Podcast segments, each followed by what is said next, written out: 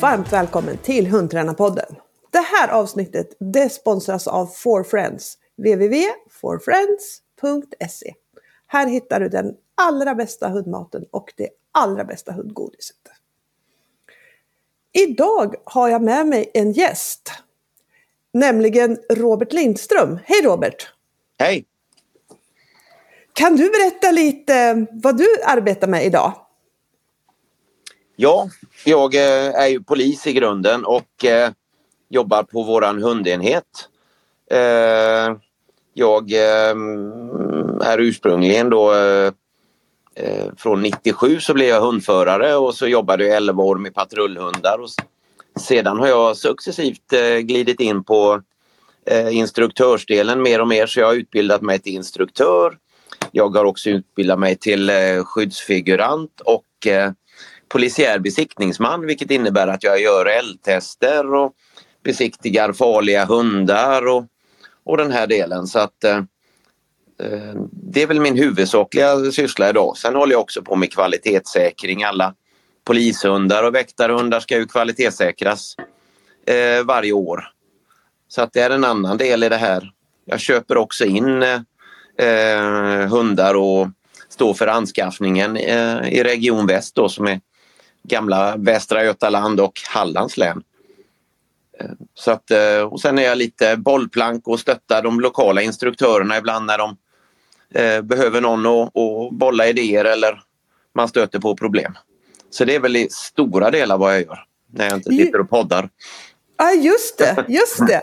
Och vi ska, ju, vi ska ju prata lite om det här med den senaste tidens incidenter. Men vi ska, vi ska inte komma till det riktigt än. För jag skulle bara vilja höra, liksom, hur, hur, kom, hur kom du in på det här med hund? Oj, eh, jag är uppvuxen med hund och har alltid haft hund eh, när jag bodde hemma. Eh, vi hade mm, någon blandras jakthund som hade gått helt ur hand eh, vad gäller jakten där men eh, så jag har alltid haft eh, växt upp med hund och jag har alltid haft väldigt lätt och tyckt om djur väldigt mycket, alltid fungerat väldigt bra. Och eh, Det är som någon sa, det är synd du inte har samma talang att hantera människor men och det värsta är att det ligger väl någonting i det. Eh, sen eh, när jag blev polis 91 och våren 91 så, så gick det några år och eh, eh, vi köpte då jag och min fru en eh, en, eh, vår första egna gemensamma hund 95 eh, som var en boxerhane som självklart på den tiden då hette Tyson. Eh, ah. och, och, levde mm. upp till, till namnet med, med, med, bravur så att det var också en start. Eh, och, och, så jag körde patrullhund när jag köpte den här hunden på den tiden och stötte ju på hundförarna ganska ofta på olika jobb och då kände jag att eh, ja, det här är ju det är dit jag ska. Men jag gjorde ett stopp på vägen där och gjorde några, två år på dåtidens gatulangningsgrupp som jobbar med, med narkotikaförsäljning på, på gatunivån i första hand. Så att där hade jag med mig den här lille boven många gånger för att eh, det blev bra som ett eh, när man skulle smälta in någonstans. Det gick ju inte att komma med en chefer eller en malle. Eh, utan det var ett ganska naturligt att man kunde gå och rasta en hund utan att väcka uppmärksamhet. Så att, eh, och med tiden där så blev det mer intresse för träning. Eh, hunden började bli mer och jag började liksom förstå vilka möjligheter man hade med hunden. Och, och som sagt så att 90, våren 97 gick jag min eh, eh, hundförarutbildning som på den tiden låg uppe på Tullinge gamla vid flygfältet där. Eh, med eh, ja, Bosse Nyman var väl chef och Sven Nyberg var där och, och idel gamla kända hundnamn. Eh, så att eh, därifrån så fortsatte det och då eh, provade jag faktiskt den här lilla boxen jag hade och eldtestade honom och han blev godkänd. Men eh, under prov och så vidare där sen det, han saknade väl lite spår, spårintresse och, och, och kompenserade det med, med en eh, stor vilja att fightas med andra hundar. Så att det blev ett hundbyte eh, efter kursen direkt där. Och då bar det sig inte bättre än att jag hade en, eh, en kollega uppe i Trollhättan, en gammal eller före detta hundförare som, som hade en boxer från samma kennel som, som på den tiden hade gjort den gamla konungen med 300 poäng. Och han hade, eh, tror jag, något barn som var allergiskt. Så att han var tvungen att göra sig av med hunden. Så jag åkte upp och hämtade den här lille vovven som heter Play och eh, eldtestade honom och, och eh, på den vägen är det lite grann. Ah, okej, okay. okej. Okay. Ja, för det, det, det, finns inte många boxar som har varit tjänstehundar, eller har jag fel? Nej, nej, du har helt rätt. Det, var, det fanns ungefär 10, 15, ja, kanske 20, 25 år innan jag, jag började så, så hade de ett, mm, var en hundförare som hamnade i Göteborg sedermera som hade två stycken. Um, som, men efter det så var jag nog den första. Sen hade vi en, en som jobbade nere i eh, Blekinge och en kort stund även i Norrland som, som var någon form av halvsläkting till, till en av mina hundar som, som jobbade några år också. Ja.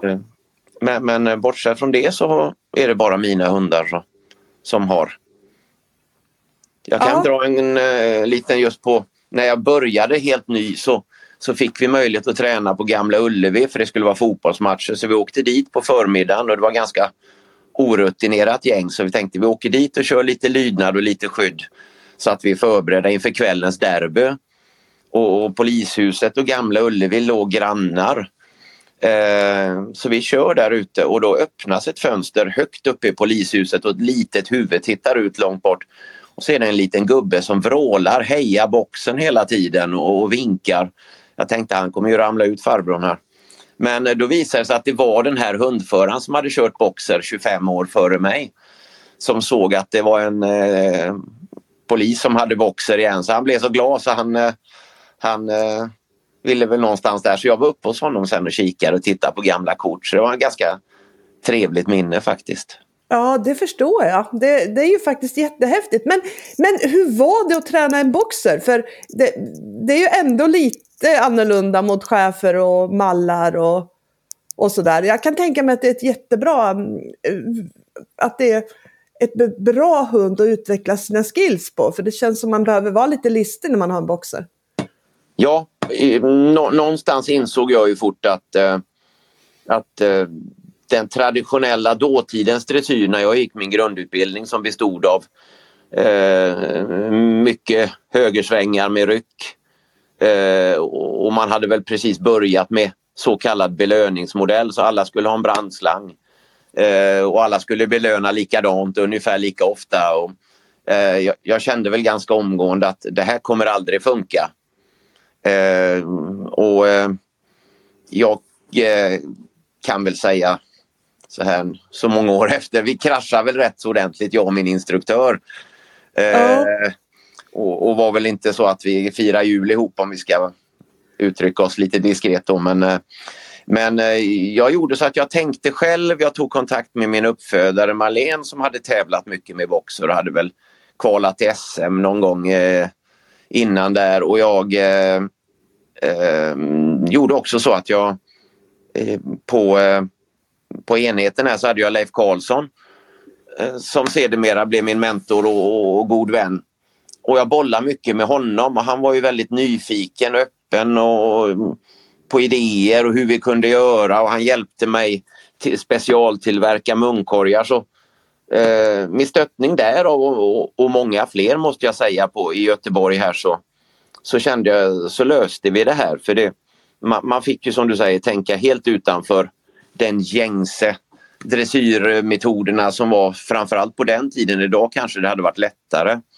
Men, ja. men, eh, men, men, då så var man ju, det hade aldrig fungerat.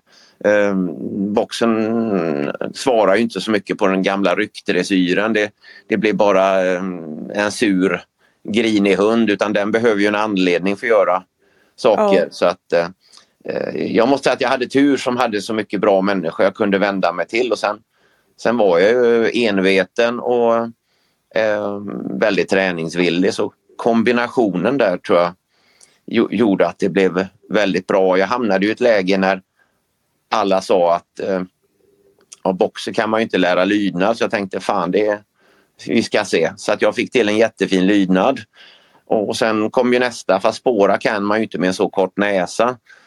Så att vi tränade ju enormt mycket spår och, och eh, jag släpade ju in griporna där till höger och vänster och, och presterade ju egentligen mycket mer än vad många av de traditionella hundarna gjorde så vi grep och spårade. Och då kom ju den sista frågan att, eh, och det var väl kanske min obogna lite men, men bitas kan de inte. Så det slutade ju med att eh, jag spårade upp och det kom ju in griporna, bitna människor till höger och vänster. För någonstans i min revanschlust att visa att det gick. Så att, ja. ja och på den vägen är det.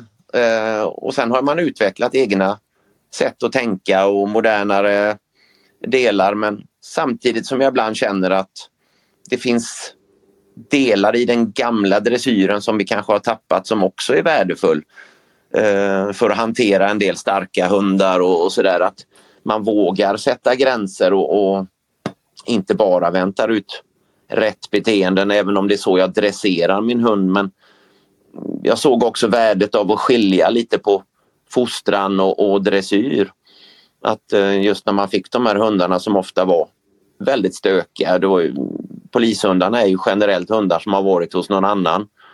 Och, och sen har de inte fungerat i en tävlingssituationer eller så har de tagit över hemmen eller ja, det kan ju vara skilsmässor och sjukdomar och allting men ofta får man ju en ganska stökig hund som redan har hunnit bli könsmogen och, och skapats en hel del vanor som man kanske inte alltid är helt önskvärda och ofta därför de omplaceras.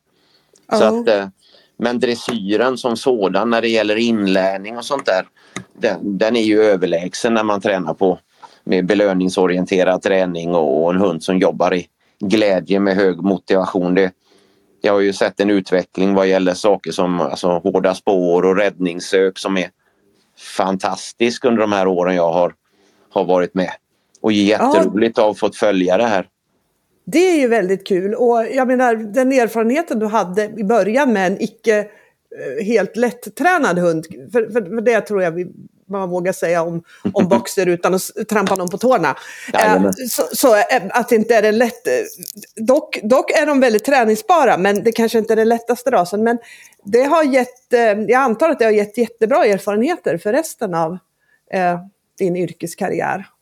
Ja, det har det. Jag, jag, jag har det att tacka för så himla mycket. för eh, De hundförare som får det svårast är egentligen de som har, får en, en, eh, en tidigare tävlingshund som kan väldigt mycket och så allting går gratis och sen ska man byta hund och så får man en helt rå hund eller man ska ta en valp. Eh, och så har man ingenting utan att falla tillbaka på. Mycket av det här jag lärde mig och fick fram och, och Eh, det har jag använt enormt mycket när jag hjälper andra och när jag figgar och så vidare. Så att det är inte bara så att det är kopplat just till, till boxer eller udda raser utan det, mycket av det här har jag kunnat applicera sen när jag har hjälpt till med schäfrar och mallar. Och, så att eh, jag tror att man, det är väldigt bra om man är nyfiken och jag tror att det är viktigt att man håller på själv eh, för att utvecklas och, och för det är först när man stöter på problem som man börjar tänka tror jag att hur ska jag lösa det här? Eh, annars är det lätt, jag upplever att många kanske, man lär sig en modell och så liksom eh, säger man jag tillhör den här skolan och sen, sen stannar utvecklingen där. Eh, och, och, det är alltid lite farligt när man, när man slutar liksom eh, vara nyfiken på det här. Ja, ja, det håller jag bara med om till hundra procent. För eh, när utvecklingen slutar då, då, då, då slutar ju liksom lärandet. Ja, jag kan se det ibland när eh, ja, folk som inte har hållit på länge någonstans. Det är lite grann samma, det blir samma beteende som när jag pratade med min mamma. Jag var 18 år när jag flyttade hemifrån. Och eh, efter den dagen när jag lämnade hemmet då har jag aldrig åldrats en dag. Eh, och det är lite grann samma, de som slutade träna hund själva och bara har varit experter de sista 40 åren utan att ha en hund själva. Man blir kvar där man slutade många gånger upplever jag. Ja. Och därför ja. tycker jag det är farligt att man inte är där utan det, då blir det en sanning för det är den, det är den erfarenheten man har. Mm. Ja, det är jag helt enig om. Eh, hundträning är ganska mycket färskvara också. Ja, det är det verkligen. Om man ska vara med i matchen. Ja, absolut. Det, och det händer grejer och, och det kommer bra metoder och det kommer också en hel del dressyrmetoder som man eh, kanske också reagerar på att det här kanske inte är så bra alla gånger. Ska vi verkligen hålla på med det? Utan jag tror att det är också viktigt för att jag kan ju se mycket folk som kommer från den... Alltså man tar in så mycket influenser utifrån idag och de tränar ofta och lever under kanske andra förhållanden lite grann än vad vi gör. Ja. Och, och, då får man en del, det kommer hit någon utländsk stjärna och, och de visar upp en del av sitt dressyrpaket och alla tror att det här är lösningen. Eh, sen har de en annan eh, fortsättning när de kommer hem till sina länder och sina platser. Så att, eh, nej, jag tror inte man, man ska inte bara ta för givet bara för att det står någon där med en VM-medalj att allt är bra. Det gäller att vara nej. lite kritisk eh, fast, och nyfiken givetvis. Ja, det är helt sant. Men eh, är du aktiv inom, jag vet att du är aktiv inom eh, civil hundsport också. Eh, inom IGP har du varit? Ja, jag har varit eh, ganska aktiv i, i, IGP egentligen de sista fem åren kanske. Men ja. det, var, det var väl en del i det här med när man är nyfiken att och jag insåg någonstans att jag vill ju träna mer än jag hade möjlighet att göra på jobbet. Jag tyckte det var roligt och så jag sökte mig till eh, och, och träffade massa duktiga civila människor här nere i västra. Det fanns ju massor av kunskap, inte minst inom skyddet. Men även på andra, andra delar givetvis att jag eh, började eh, så småningom att köra lite civilt också. Och jag började i Svenskbrukset där så där höll jag på längst så att jag, jag körde väl upp alla mina tjänsteundar, jag kört upp till elitspår där och haft något ja. sätt på och, och sen körde jag upp eh, en av mina hundar till elitsök där och tävlade där. Eh, och även var uppe och kör, flyttade upp en hund till högre skydd. Eh, och tävlade lite även polisiärt och sedan så eh, någonstans där så bytte jag över till IGP för att ja, av flera anledningar men eh, eh, dels att det inte är riktigt lika tidskrävande och framförallt så kan jag träna mer själv.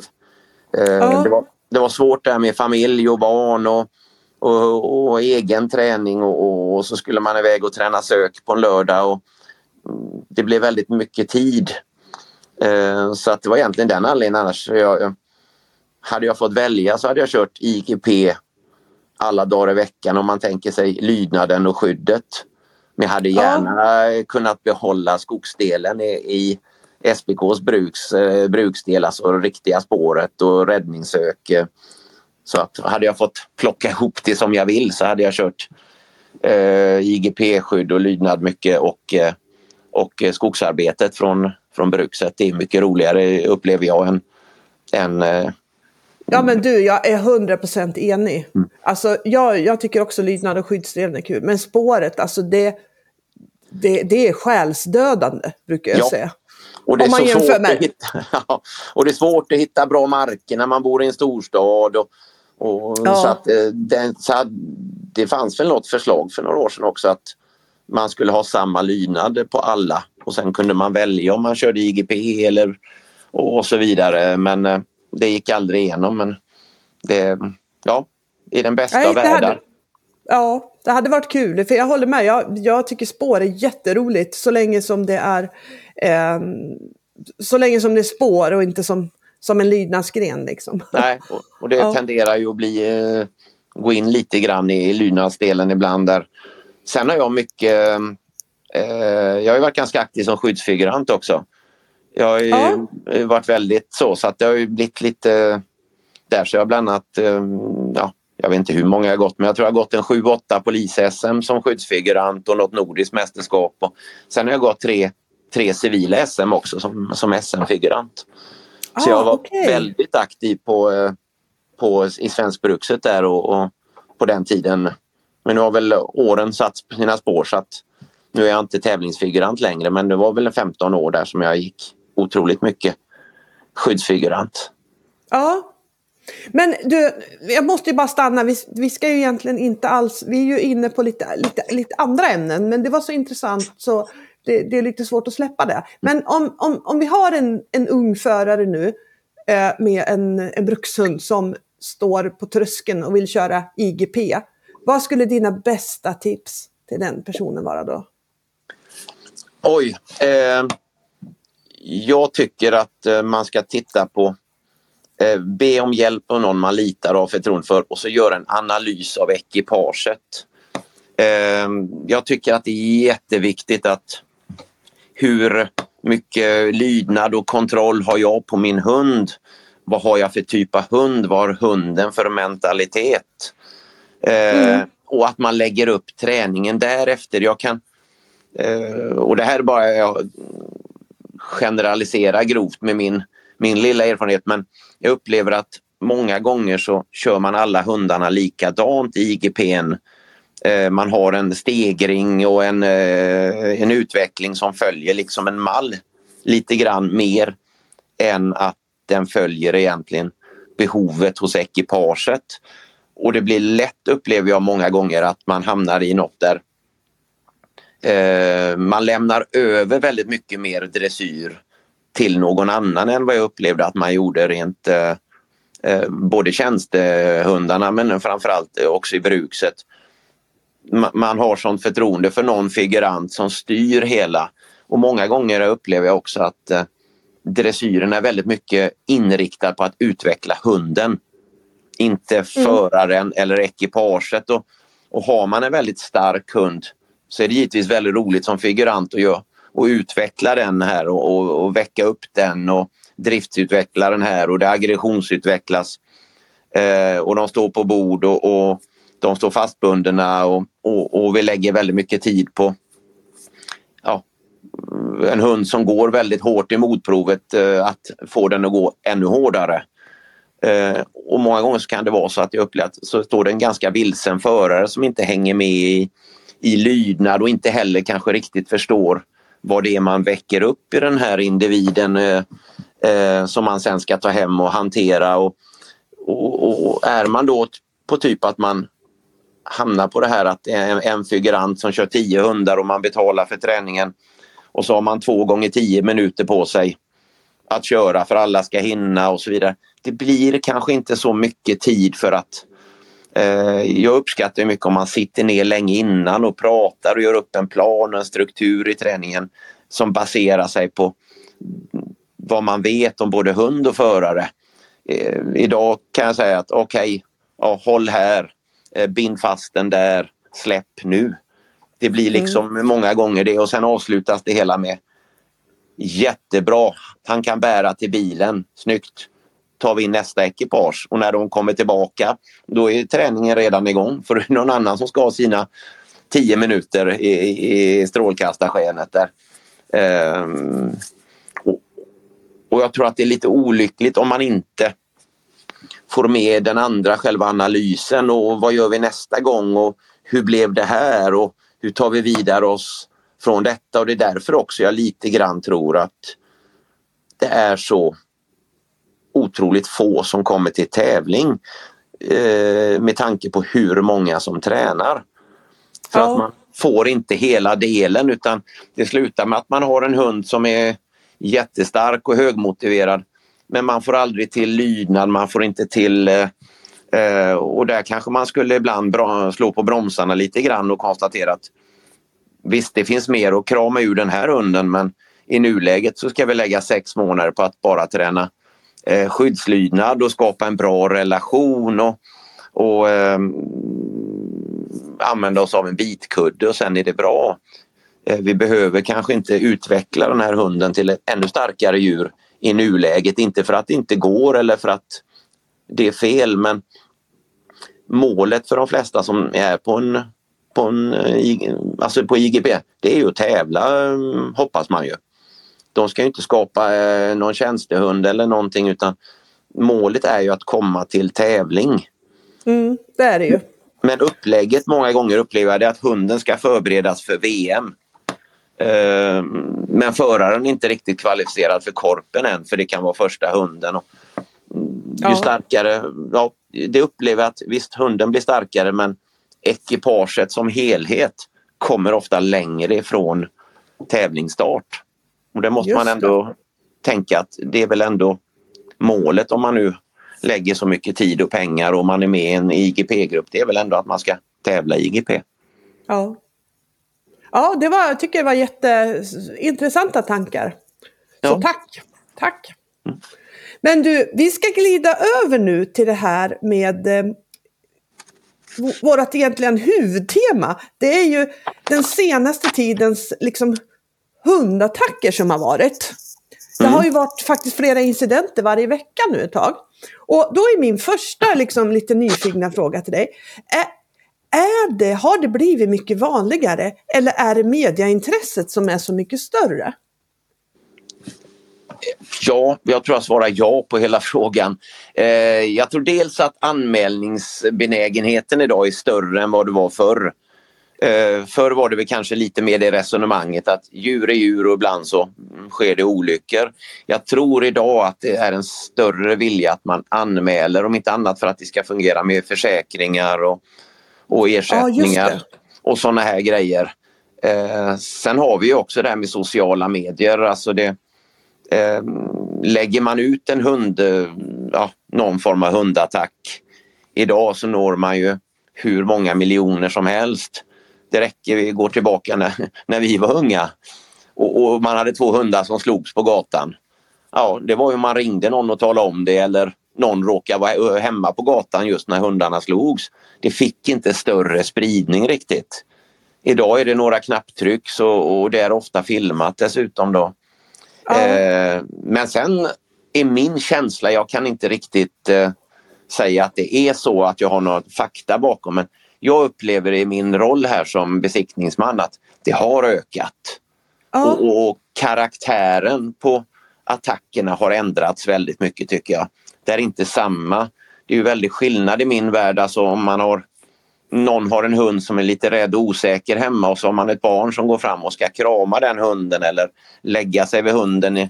Eller om man har en hund som är eh, kanske har ett resursförsvar och någon sträcker fram en hand eh, för att ta en leksak eller ett ben eller vad det nu må vara. Eh, kontra den typen av hundattacker vi ser idag. Det är liksom två skilda saker. Det andra kan vi nog eh, kanske inte göra så mycket åt men det, det, är ju egentligen inte så svårt. Har man en osäker hund eller har man en hund med någon form av resursförsvar så är det ju egentligen, nu säger jag bara, men som förare se till att låt hunden vara. Ge hunden en egen plats, gå inte fram när han äter och så vidare. Det är ganska lätt att åtgärda även om det skulle hända så här en gång. Om inte ja. annat så, så, är det lite learning by doing om, om man stoppar fram fingrarna till en hund som vaktar sin, sitt tuggben till exempel. Men, men eh, mycket av det vi ser idag det är ju också en konsekvens av att eh, vi får in andra typer av hundar. Vi får in eh, och, och de här, just den här typen av hundar har ju också en väldig dragningskraft på, på många olämpliga hundägare. Eh, och, och som det är lite grann idag så att är ju de här hundarna väldigt eh, attraktiva i många kretsar och de är lättsålda. Ja. Och så fort det finns en produkt som går att sälja då finns det en uppfödare om vi nu ska kalla dem, i min värld så ja, de föder upp hundar men det är inga uppfödare riktigt utan man parar hundar till höger och vänster och får en sakta eh, försämra raserna. Eh, och det här kan vi väl bara se till våra egna raser. Blir en ras för populär för fort så kommer det att drabba rasen. Eller ja, även om det nu här oftast handlar om oregistrerade hundar och blandraser. Jag har ju hört Fredde Sten eh, mala på om det här nu. Vi har haft en dialog och jag håller helt med honom. Det är en stor övervikt på oregistrerade eh, blandraser. Det är sällan de har en stamtavla eller är registrerade i Jordbruksverket och de är givetvis inte med i Kennelklubbens register. Eller, eh, men faktum kvarstår att det är fortfarande kamphundar väldigt många av de här. Ja. Att, eh, men de går ju att sälja och det är lätt om man Problemet blir att har man olämpliga uppfödare eh, som ser en möjlighet att sälja eh, och, så säljer man till vem som helst. Man säljer till möjligtvis ännu olämpligare hundägare många gånger. Eh, det är inte riktigt som man själv ska köpa hund att man ska gå igenom skärselden hos uppfödaren och ja, man blir synad och, och granskad och eh, på ett positivt sätt tycker jag ifrågasatt när man köper hund av många. Att, klarar du av det här?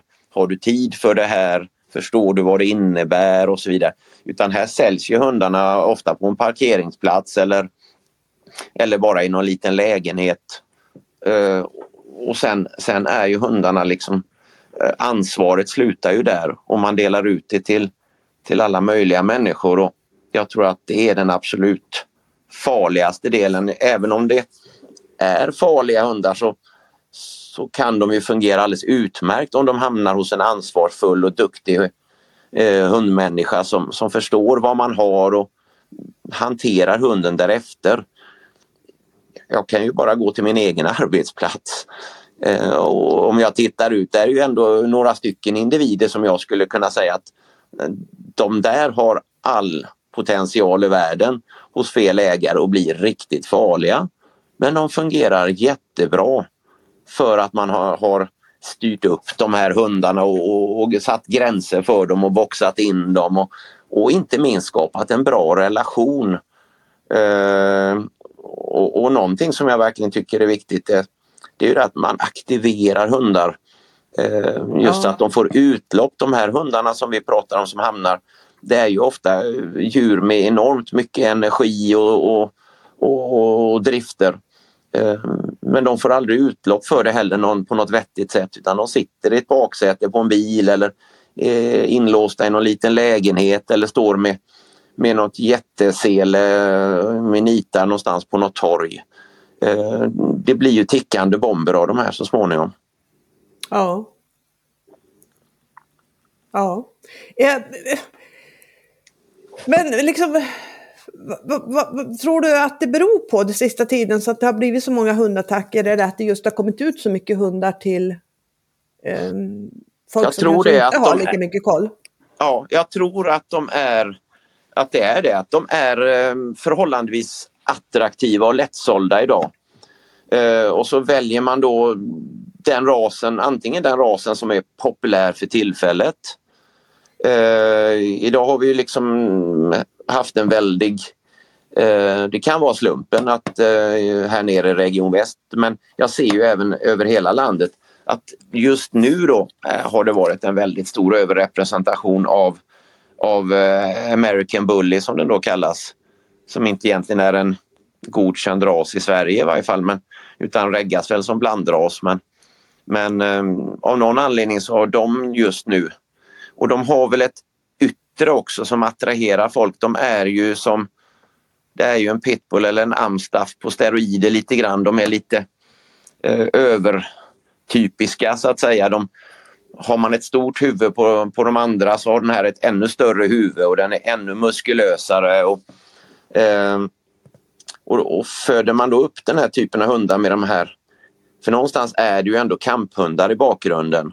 Och även om det inte kanske märks så mycket utåt alltid så finns ju ändå det här kamphunds DNA i generna. Och när det triggas igång eh, då får man ju väldiga reaktioner. Och, och, det som förvånar mig mest är att alla, när de här olyckorna händer när man går runt med en hund som väger 40 kilo, eh, att, att det blir så mycket ifrågasättande och att det blir så så konstigt. Men de här hundarna eh, de gör ju vad de är avlade för. Det är egentligen inget konstigt beteende hos en kamphund om den får förutsättningar och möjligheter och erfarenheter av att kampa till exempel med andra hundar. Då väcker man ju fram det här. Eh, hade man liksom sett till att hundarna aldrig fick möjlighet att hamna i de här situationerna så tror jag att väldigt många av de här kamphundarna har varit liksom fungerat alldeles utmärkt i ett bra hem. För att de är ofta väldigt trevliga vid sidan av. Alltså det är fantastiskt mysiga hundar. Ehm, men när man triggar igång och så får hunden eh, smak på att fightas med andra hundar. Och eh, efter det att en hund är väckt på det där viset, för det vet man ju även i de här fightingkretsarna, där har man ju ofta eh, gamla kamphundar, hundar av andra raser som man då, eh, ja, ibland kallas det för att man rullar dem. Man tar unga, nya, potenta framtidslöften inom kampen och så får de eh, slåss med de här gamla eh, nedgångarna hundarna och, och, och, för att väcka det här och när det väl är väckt då går inte det att ställa tillbaka den klockan. Eh, så att ibland hör man mycket sånt här att Åh herregud, eh, den angrep min hund utan anledning eller Ehm, men det är inte så konstigt utan det är det den är avlad för och den har fått utdelning på det. Ehm, det är lika lika naturligt egentligen som en jakthund som är avlad för jakt i alla år. Släpper man ut en, en, en stövare eller en beagle eller en, vad det nu må vara och så får den stöta upp eh, eh, någon form av vilt som den får jaga och eh, gud förbjude komma ikapp. Eh, den hunden, den jakthunden kommer ju hela sitt liv gå och leta efter nästa hare. Den kommer ju mm. alltid skanna av marken efter, efter viltlukt, eh, använda syner. Den kommer ju jobba aktivt i resten av sitt liv för att få göra det här en gång till. Eh, det är väl inte så stor skillnad egentligen om, om man tänker på en eh, en vallhund och en border collie. Släpp ut den och låt den eh, bland lite får eller vad som helst och den får valla. Den kommer ju alltid leta möjligheter att valla om det sen är familjen eller anker eller får eller, eller om det är främmande människor eller om man har fler hundar i en flock. Så valla, alltså det ligger så djupt i genetiken att, att få dem, liksom väcker man det här som, som ligger latent så kommer det alltid att fortsätta. Jag tror det är samma med, med eh, kamphundarna. Att rätt styrda, rätt hanterade eh, så kommer det inte vara några problem. Ja, vi har tittat på en, en, en, en film om eh, en sån här eh, stall i någonstans i sydstaterna i USA där man födde upp just pitbull med, med inriktning på hundfight. Och där hade ja. de eh, två gamla rottweilers som gick utanför och vaktade de här för att de var så glada i folk och så snälla så att, och värda så mycket pengar i och med att de var duktiga på så att man var tvungen att ha en annan typ av hund som vaktade pitbullarna för de var så lätta att stjäla. Det var bara att gå och hämta dem och de älskade alla. Och jag tror att håller man det så så kan det eh, säkert fungera. Så även en farlig hund eh, är ofarlig i rätt händer men det här attraherar ju många gånger fel hundägare. Sen blir det lite taskigt att säga för det finns ju massa bra människor som har hundar av kamphundstyp som liksom eh, dras med i det här och som tvärtom skulle hyllas att de är duktiga på att hantera och sköta sina hundar. Men, och, Absolut. Och det blir ju lite grann, regnar det på en så stänker det på dem alla. Och det, det är lite dystert eh, tycker jag för att Sen kan jag se, jag hade ju förmånen med när jag eh, hängde med Leif, han var ju tidig med testa kamphundar och var intresserad och vi hade mycket folk här. De första hundarna vi testade det var ju rena fightinglinjer som var, som var hitplockade från, från andra delar i Europa och USA. Det var ju också väldigt, alltså väldigt trevliga, stabila, käcka hundar så länge man inte lät dem fightas. Eh, utan eh, däremot så kan jag ju se idag på de här många av de här i den här oreglerade uppfödningen eller aven. Alltså det kommer in saker som inte ska finnas eh, egentligen i en kamphund. Det kommer in rädslor, eh, otillgänglighet mot människor. Eh, det kommer in väldigt mycket sjukdomar också. Nästan alla som dyker upp här har ju tydliga tecken på att de har eh, eh, någon form av dålig hud. Man ser det saknas päls, de har eksem eh, och massa sånt här så att eh, de är alldeles bruna i tassarna så att det kommer ju också in en massa sjukdomar. Ja. Däremot ja. så tror jag inte, för många säger ju alltid att ja, om, om en hund slåss och, eller biter, en, biter någon människa så är det alltid att ja, den måste vara sjuk. Eh, den har ont, det tror jag inte en sekund på utan Många gånger är det att det är mentaliteten som ställer till det. Antingen att de är rädda eller att de har något att vakta Eller att det är de här typen av eh, kamphundar som, som har fått utdelning på, på att slåss med andra. För när kamphundarna biter människor så är det ju ofta så att det är en eh, jag, inte, jag brukar kalla det för avvärjningsskada. Hundarna är, är sällan ute efter människorna eh, utan de är ofta väldigt inriktade på att komma åt någon annan människas sällskapshund eller vad det nu man har. Och så försöker man skydda den här hunden genom att försöka sära på hundarna eller lyfta upp sin egen hund, eh, sparka bort den andra. Och i samband med det här så sorteras det inte alltid utan många gånger så blir ju människorna bitna i samband med att man försöker någonstans hjälpa sin egen hund och skydda den. Sen finns det ju en fara i, vi hade ju en hund i Kortedala här eh, eh som det blev väldigt uppmärksamma. Han biter ett barn väldigt illa. Eh, ja, den som det cirkulerade filmer på som ja, den kampade med barnet. Ja. ja. och det var ju inte det första barnet den här hunden bet. Utan den hade ju en historik av att bita. Den hade bara bitit av eh, armen på en treåring tidigare. Eh, och så vidare. Och det här tror jag är lite granna där mm, åsikterna går isär men jag är rätt säker på att den här hunden har ju bitit barn då vid något tillfälle och hundar. För den hade även bitit ihjäl andra hundar tidigare.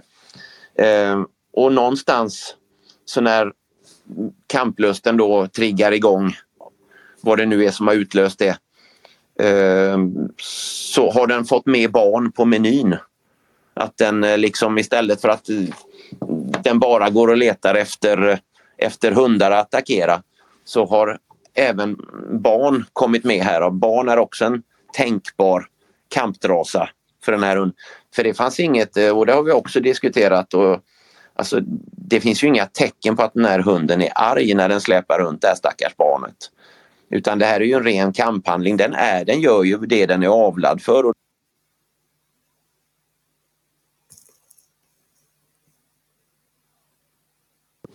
Så. Oj. Så. Så, ja. Eh, och den gör ju precis det den är, ska göra. Men jag tror att det är faran lite grann om, om, eh, om den då inte eh, liksom har förstått att det är hundar du ska kampa med men även barn kom med på något sätt där. Och det är ju en fruktansvärt otrevlig film att titta på. Man blir ju illa till mods. Och, och eh, men hunden i sig är inte arg, den hatar inte barn. Det är som att säga att en jakthund den jagar kaniner för den hatar kaniner. Nej, den jagar kaniner för den är avlad och det är en del i deras DNA och det är samma här. Det här är ingen ondskefull hund. Eh, och där håller jag med diskussionen att det, alltså hundar är inte elaka.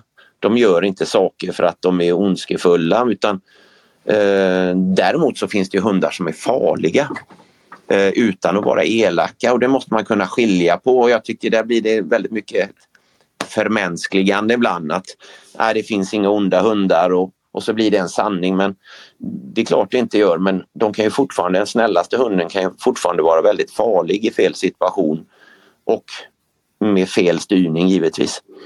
Så att det här tror jag är en del av det här och den här lilla pojken säger ju det också att den här, alltså hunden reagerar som den ska. Det springer ju folk och, och sparkar den här hunden å det grövsta. Det är jättejobbigt att titta på på alla sätt och vis. Eh, och pojken säger det att varje gång de sparkar hunden så biter han hårdare. Ja. Och det är precis, ja, ju mer motstånd hunden möter desto hårdare ska han kämpa. Det är väl det man ofta i kampen kallar för gameness. Och det är det liksom som utmärker en bra kamphund att ju mer motstånd desto mer trycker vi på. Så att eh, jag tror att det, det, det är, eh, ja, det, vi får leva med det helt enkelt. Alltså, eh, ja. Ja. ja. Eh, du har ju, liksom jag, varit med ganska länge i hundvärlden. Eh, tycker du att människors förhållningssätt till hundar har förändrats med de här åren som du har hållit på? Och tror du att det har någonting med saken att göra? Ja, det tror jag faktiskt. Eh, lite grann. Jag, jag, jag är ju eh, mm, väldigt... Jag, jag, tycker ju väldigt mycket om hundar och jag, mm, eh, älskar ju mina djur. Det, det går ju inte att säga något annat. Eh, men, men det är fortfarande djur. Jag tror det finns en fara när man för mycket går in och förmänskligar djuren och lägger mänskliga värderingar att som det här med att det finns ingen elak hund. Och, eh, nej, men, men, det är fortfarande djur och de har vissa beteenden och behov. Eh, och jag tycker vi ibland är lite dåliga på att tillgodose dem. Alltså, djur behöver ju ändå någonstans regler att förhålla sig till. Det är ju flockdjur och, och, och man behöver eh, liksom få, få det här. Men idag ser jag att man lägger över mycket, man klär ut dem massa kläder och de, alltså man behandlar dem som små, små, små bebisar. Och det är ju kanske inte vad man behöver om man har en, om man till exempel en kamphund på 40 kilo. Eh, då måste man ändå vara medveten om eh, och jag tror också att det är väl egentligen den delen jag saknar i den gamla hunddressyrer om vi får prata så. För det mesta av den tyckte jag var skit och jag är jätteglad att mycket av det här är borta. Men lite den här möjligheten att kunna sätta en gräns för en hund och stoppa en hund rent, rent fysiskt om det är det som krävs. Har jag en hund som vräker sig ut och gör något form av angrepp, en attack på andra hundar, då måste jag kunna avbryta det här beteendet och, och få, få min hund att sluta med det. Eh, sen kan det ju liksom följas upp med en mer långsiktig dressyr. Som, men, men just i det här akuta skedet och det är också en, en av anledningarna att vi får mycket av våra hundar, inte bara farliga hundar men även de hundar som erbjuds oss. att Vi har lite grann tappat den här förmågan att fostra hundarna. Att vi gör inte utfall mot andra hundar eller eh, jagar cyklister eller drar på vilt. Utan att man lite grann kan tala om att det här är ett oönskat beteende. Sen kan man ju börja belöna upp de önskade beteendena men eh, eh, det går inte i det akuta skedet tycker jag. Man kan inte stå och vänta en hund som, som håller på att döda en annan hund och vänta ut någon form av rätt beteende som ska eh, utan då, då gäller det lite grann, då får det vara grovmotoriskt och då måste vi lite grann kunna sätta de här gränserna för hundarna faktiskt. Det, jag tror det är viktigt och, och att man skiljer väldigt mycket på fostran och dressyr. Ehm, jag tror det är någonting så att det tror jag har ändrats lite grann och jag tror också att det kan vara väldigt eh, eh, svårt många gånger att få, få den hjälpen idag. För eh, mycket av eh, om man tittar på hundvärlden då, alltså mycket om man söker en kurs och så vidare. Det finns valpkurser och så finns det mer riktade kurser. Oftast är ju detta mot någon form av tävlingsdressyr.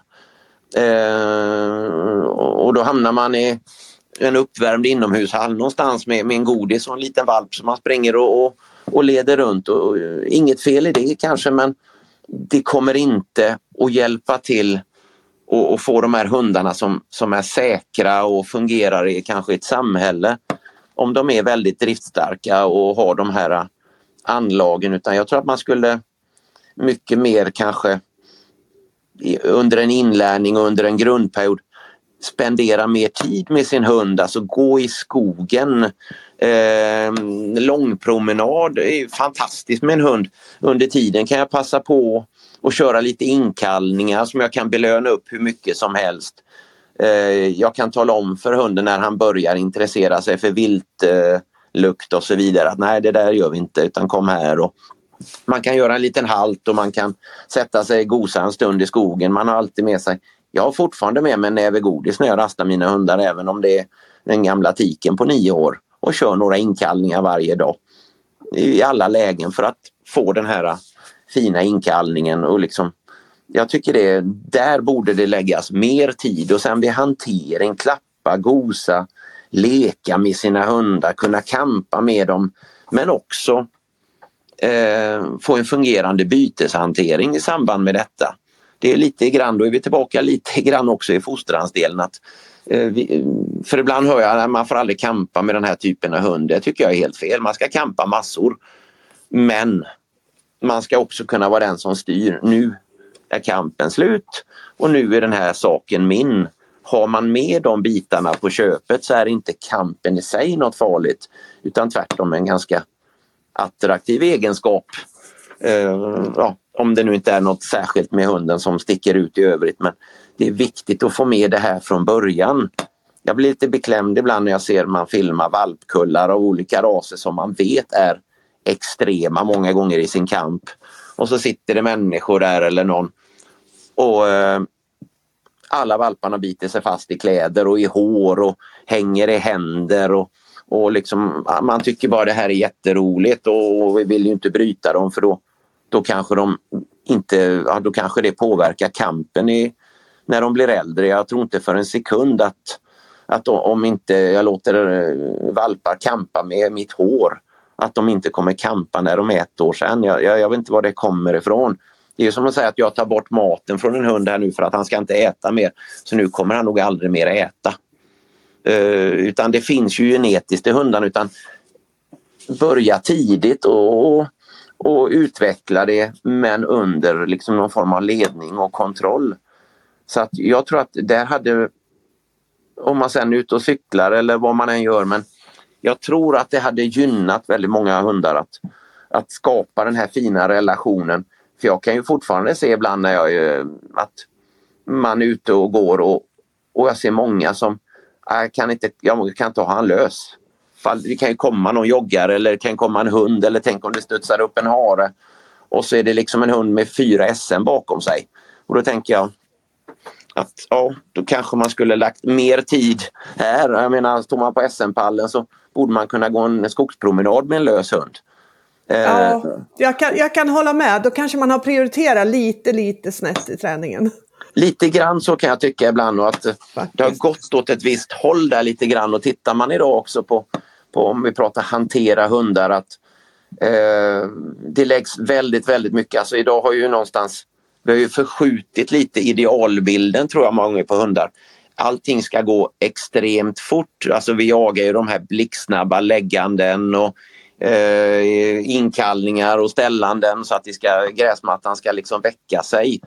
Eh, och vi, vi eh, vill ha hårdare, högre motprov och mer munkorgsstötar och eh, snabbare rapportsträckor. Och, eh, och vi, vi, vi, har lagt det väldigt tonvikt där tycker jag, vid det här blixtsnabba utförandet och ger också eh, höga poäng.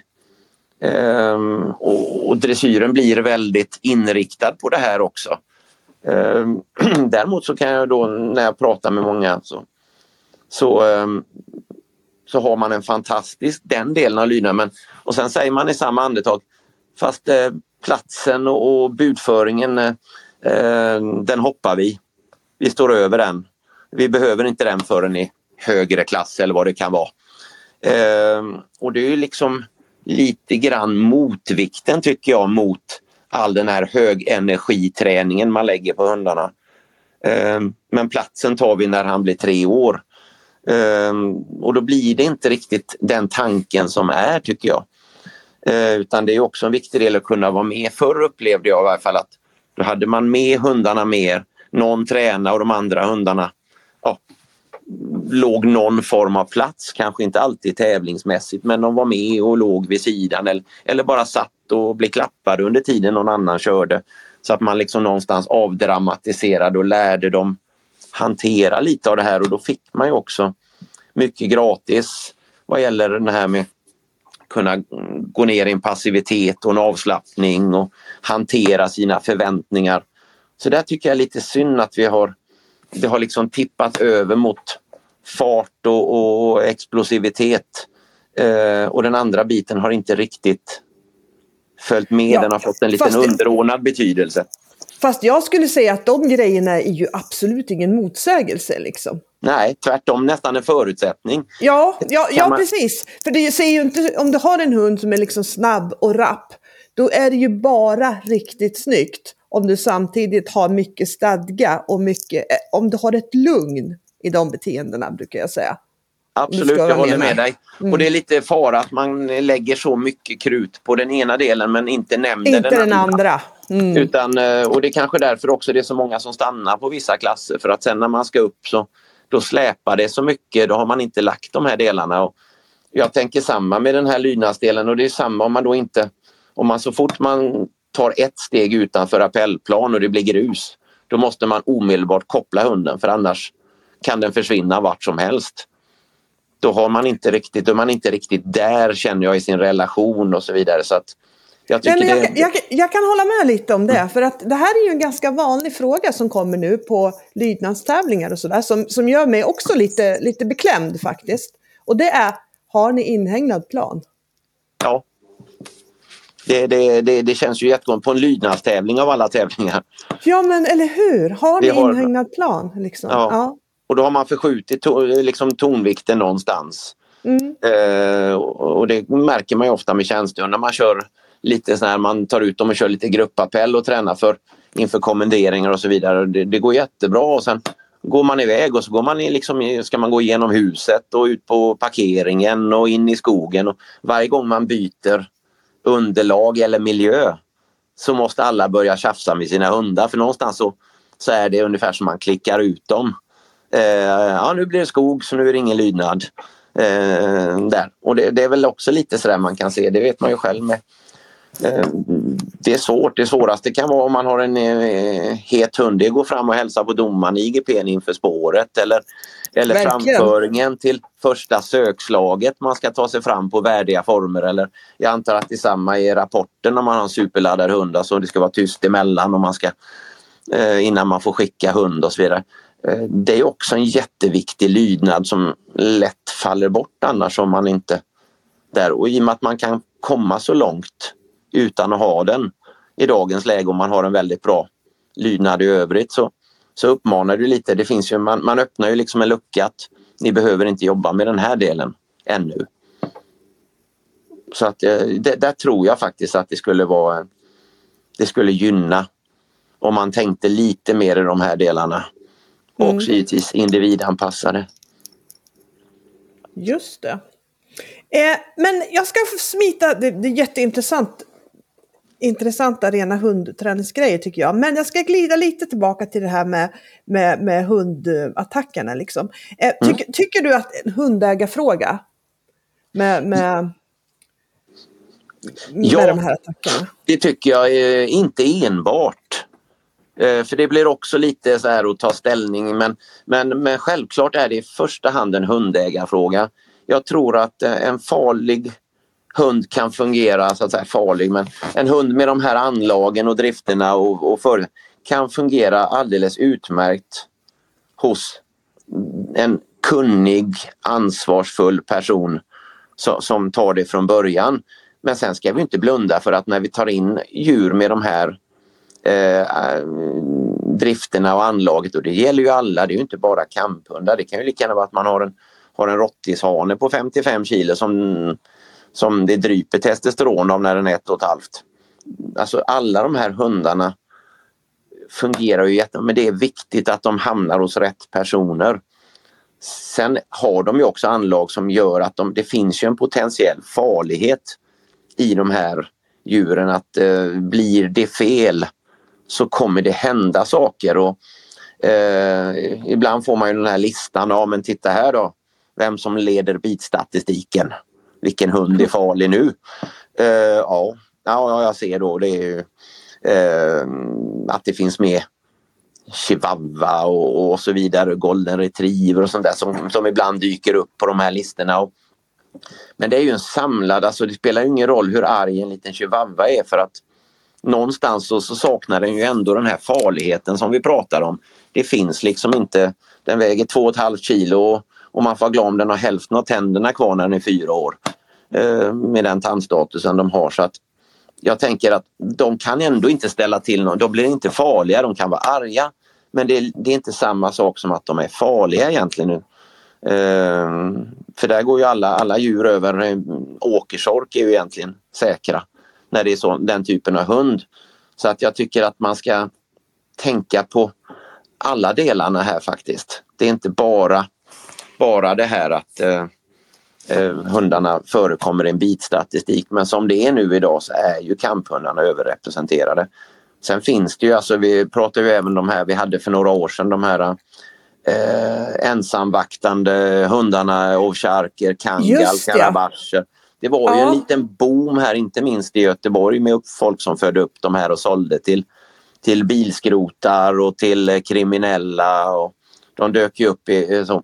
Men där har det väl eh, klingat av. Men det är ju också en hund som eh, är potentiellt väldigt, väldigt farlig om den hamnar i fel, eh, fel situationer och kretsar.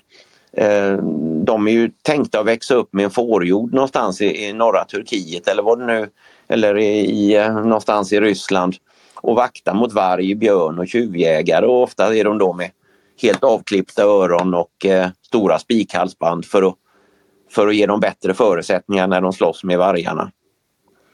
Och eh, Det är klart att, och jag, det har jag själv varit med om att få hämta sådana här. De bor på fjärde våningen i en liten, en liten tvåa med två, två missbrukare som eh, eh har den här och, och nu har den bitit någon när de möts i hissen. Eh, Någonstans kan man ju säga redan innan att det här är ju en dödsdömd kombination. Den här borde aldrig eh, det här borde aldrig hända, den här borde inte finnas. Sen tror inte jag heller på det här med kanske med ett rasförbud för jag tror att det kommer man bara gå runt. Oh. Det har ju provats till och med en gång när jag var ny hundförare. Då kom ju eh, stora tidningsrubriker och så var ju det här nu är mördarhundarna här. Och så var det någon bild på någon liten eh, pitbull som satt där och, och såg helt ofarlig ut. Eh, vilket innebar att inom kort tid så fanns det inga pitbull kvar. Utan alla hade förvandlats till blivit blandraser och de hade blivit amstaff och, och de hade blivit det ena med det tredje. Eh, och man ser ju även i de länderna som har valt att införa, för det är ju ganska många som har gjort det idag, eh, rasförbud till exempel. Att eh, enligt i varje fall vad jag har fått till mig så, så har ju inte bitstatistiken gått ner. Så jag tror inte alls det är en lösning på problemet. Däremot så tror jag att man måste gå mycket, mycket hårdare på eh, brukarna och om man får säga så tillverkarna av de här hundar. Jag tror det är där vi måste fokusera. Eh, för det kommer alltid finnas någon ny och man kan alltid göra en ny blandning av någon ras eller eh, så att utan där har jag ganska mycket funderingar eh, lite grann på, på hur man ska hantera det. Och, och jag vet inte om jag ska bara spinna vidare på det. Ja, men, men gör det! Gör ja. det. det tycker jag skulle vara jätteintressant. Ja. Eh, och då tycker jag lite grann att eh, om man nu har de här hundarna så eh, om det nu händer saker så att idag är, det här gick ju från polisen för några år sedan, våran uppgift till att Länsstyrelsen tog över det.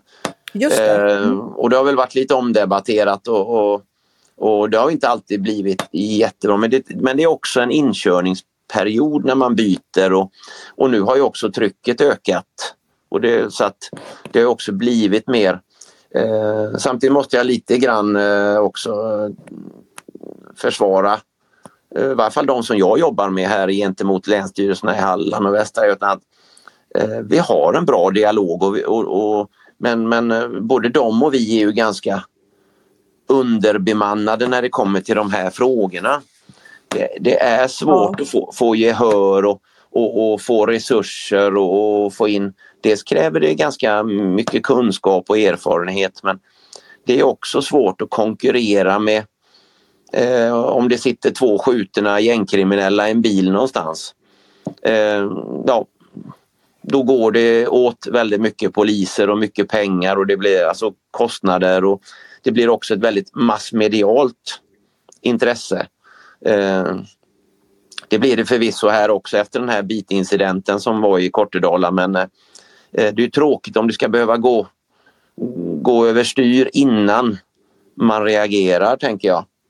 Ja. Men, men, alla, eller alla ska jag inte säga för det är fel men väldigt många av de hundarna som Länsstyrelsen omhändertar och kommer hit med som vi då eh, ska göra en form av mentaltest på och göra en bedömning av våran uppskattning av ja, är den här omplaceringsbar och hur farlig är den och så vidare.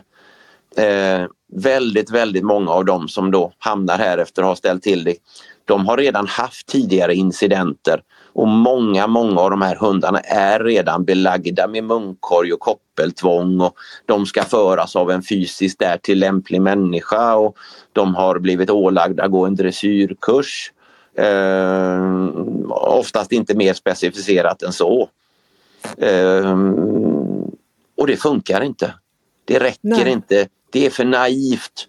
För många av de här människorna, det, ja, det blir också väldigt generaliserande nu men de är, lever utanför samhället och lagen redan som, som det är idag. Ja.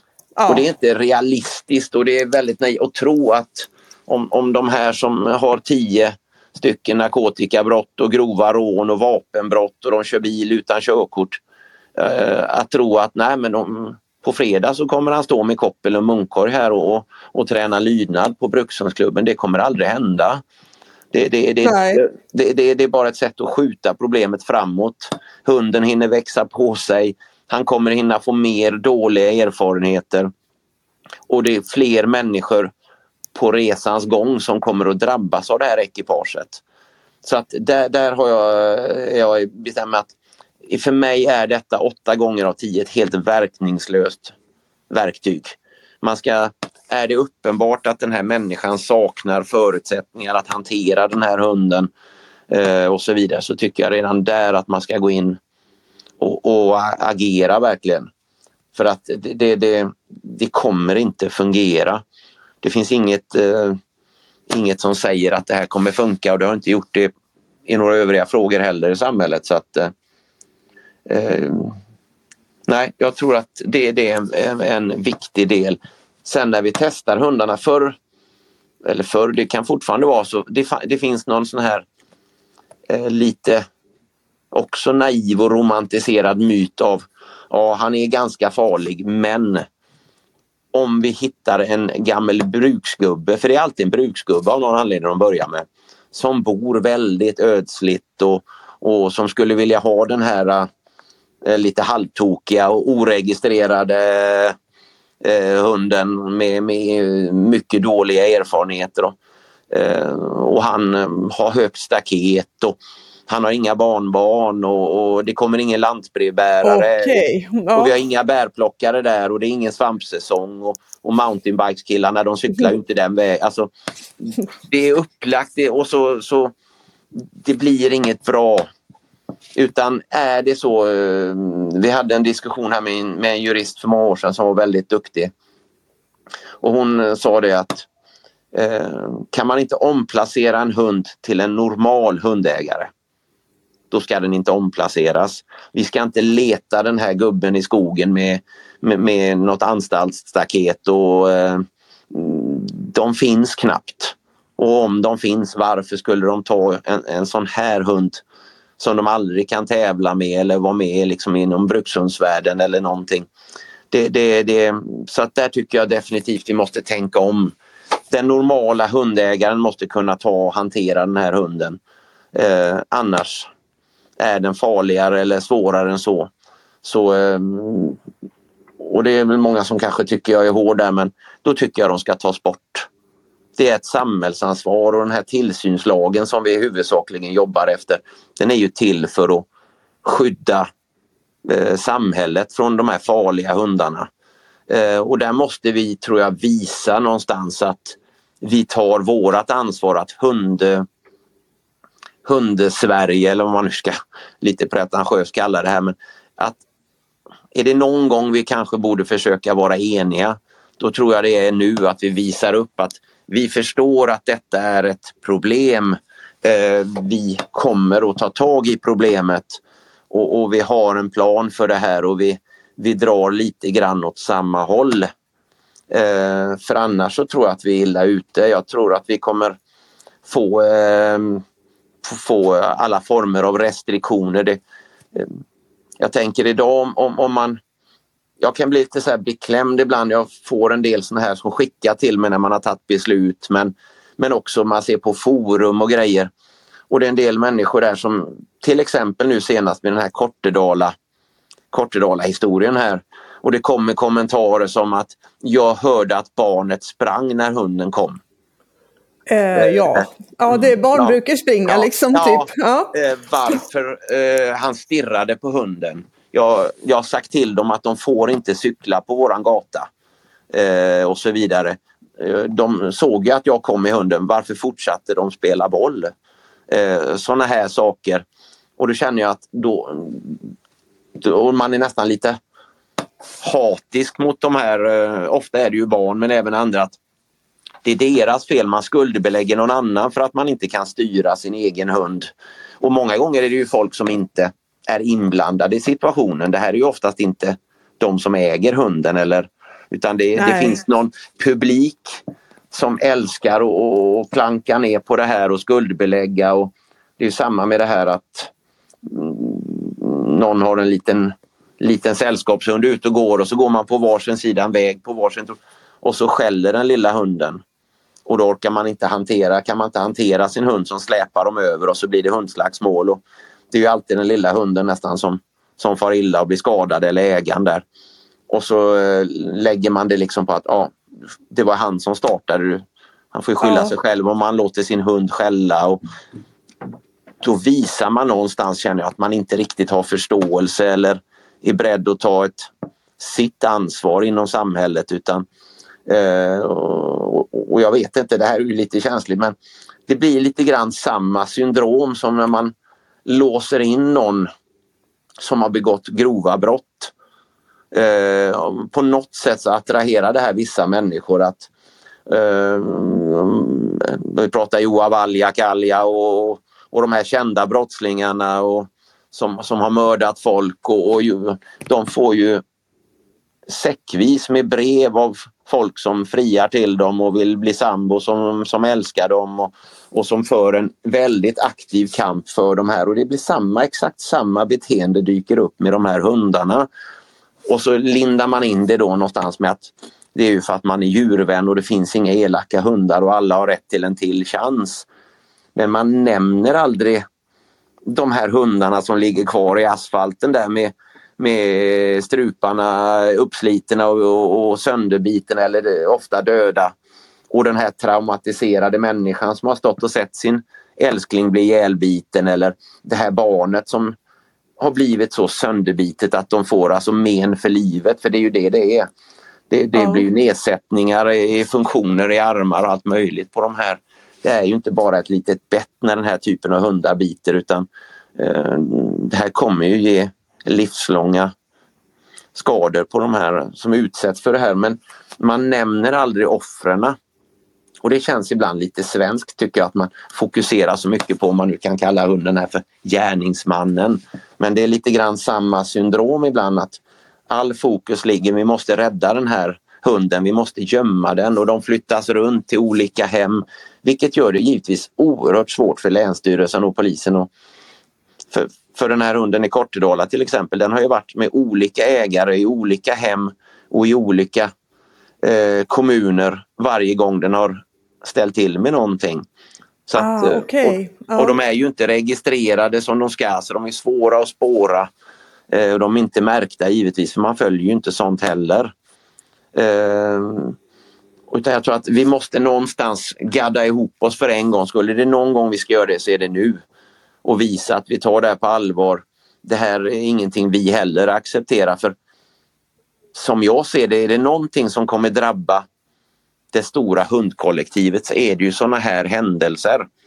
Eh, det börjar ju redan nu dyka upp eh, populistiska politiker här med som, som går till någon form av personval med hundförbud och, och, och man vill visa sig handlingskraftig. Sen, sen om det skulle vara verkningsbart eller inte, det, det tror jag inte de bryr sig ett jädra dugg om utan det är ett sätt att gå till, få uppmärksamhet och, och eh, skaffa sig väljare. Och, eh, vi har ju redan en hel del sånt här att vissa bostadsbolag, bostadsföreningar förbjuder idag hundar eh, antingen helt och hållet eller av vissa raser och så vidare.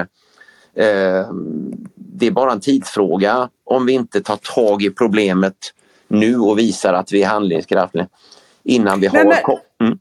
Ja. Ja, jag håller jättemycket med om det. För, för eh, jag är ju mycket runt i, i liksom egentligen hela världen, men framförallt mest i Europa då, och, och ha kurs. Och en av de första sakerna som jag fattade ganska tidigt, det är egentligen hur hundvänligt Sverige är.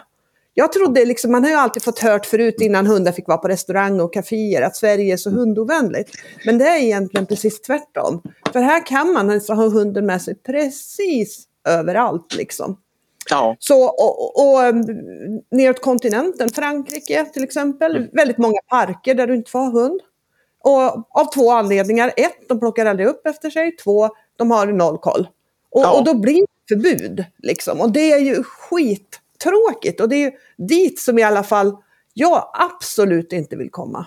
Nej, och jag håller fullständigt med dig. Jag tror att det är här vi någonstans måste börja tänka till för att det är precis som du säger, man är nere i de här länderna, det är koppeltvång och de går och rastar sina, sina hundar med, med någon för liten munkorg som skaver. Och de ja. är aldrig lösa och de går i de här parkerna.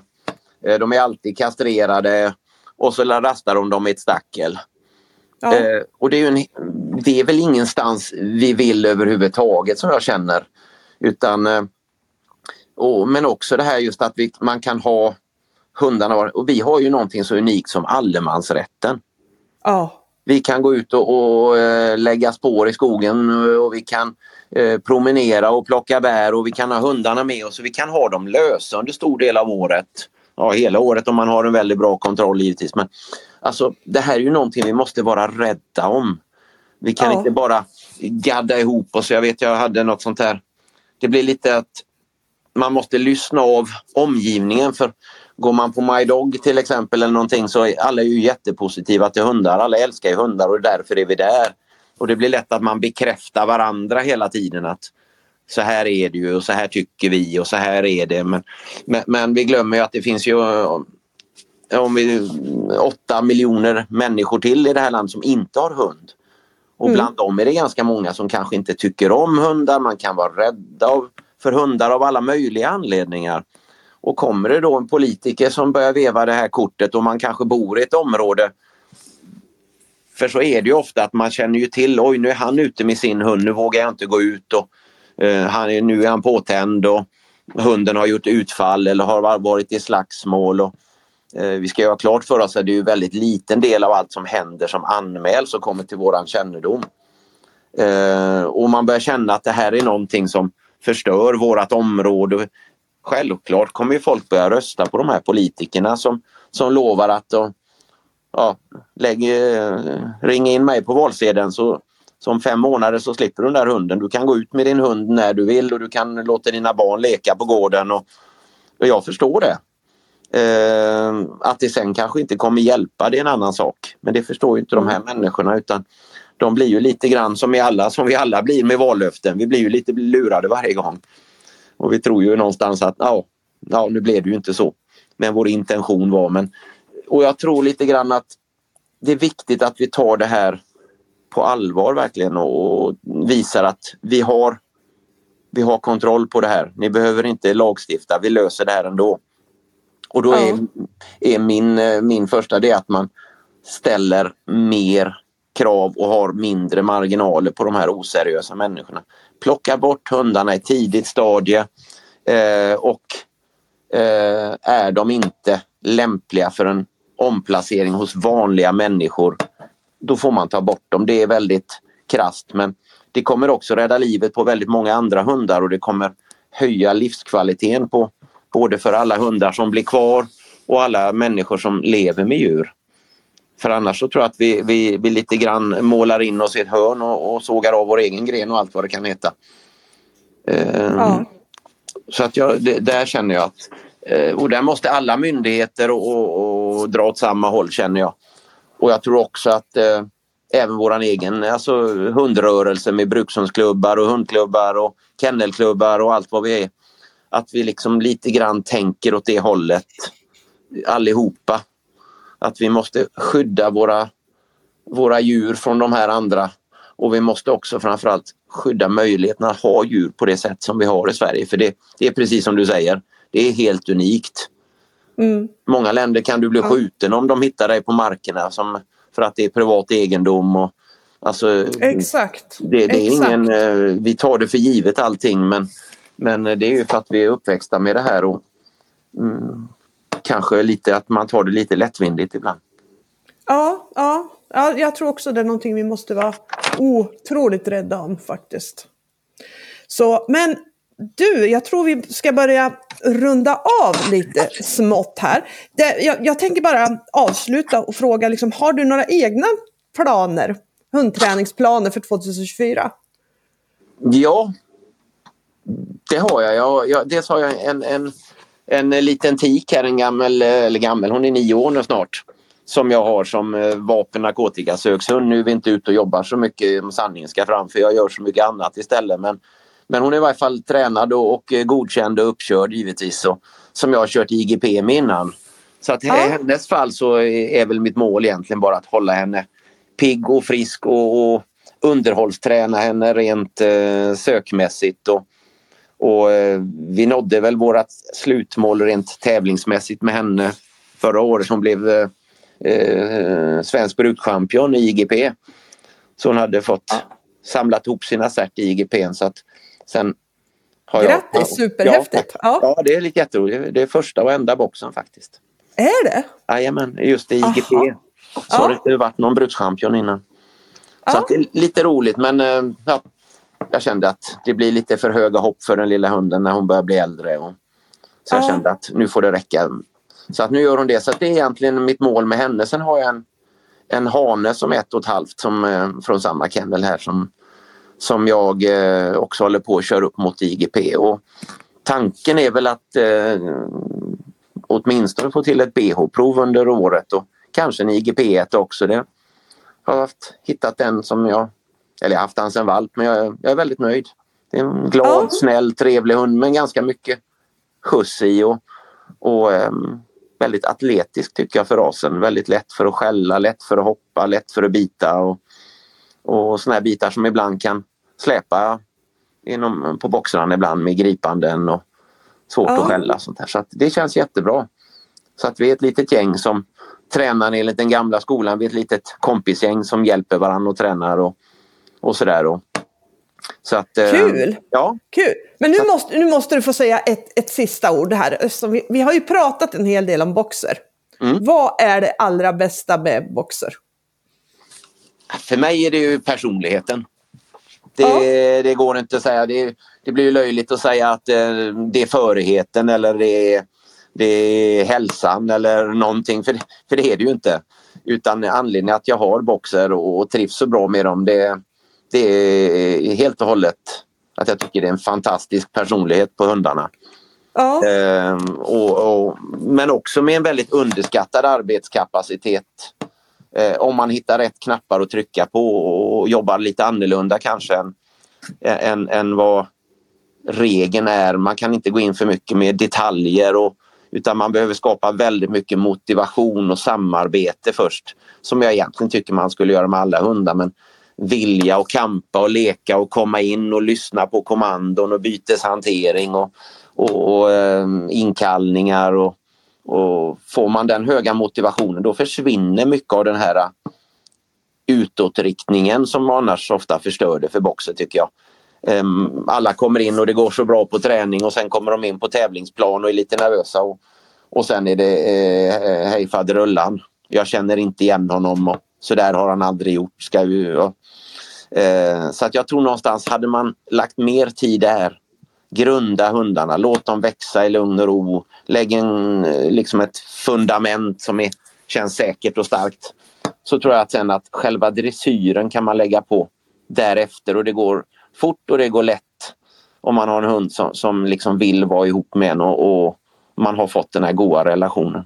Jag tror att det är vägen till framgång med boxen i alla fall, det är jag rätt övertygad om kanon! Vi började med boxer och vi slutar med boxer, tänker jag. Ja, det tycker Det jag är är bra. väl, det, eller hur? Det var väl superduperbra. Och det här är, tror jag att det kommer att vara avsnitt 114 i Hundtränarpodden. Oj! Mm. Och jag skulle kanske säga att det här är vårt allra viktigaste avsnitt vi har spelat in. Ja, det, Är du enig med det? Ja, jag, eh, Jag har ju en hög självbild också så jag hade sagt ja i vilket fall. Nej, jag tror det är jätteviktigt. Vi måste någonstans ena oss och, och börja tänka framåt. Hur vi kan ja. behålla, behålla Sverige hundvänligt och, och positivt. Och det, det finns så mycket krafter där ute och, och, och, bra idéer så att någonstans känner jag att kan vi bara hjälpas åt och inte slå undan benen på varandra utan dra åt samma håll så, så borde inte detta vara någon omöjlighet att utveckla framåt. Det tycker jag låter superbra. Och supertack Robert! Det var väldigt, väldigt intressant att lyssna på dig tycker jag. Ja, tack själv. Hörru. Tack! Det här avsnittet det sponsrades av For Friends www.forfriends.se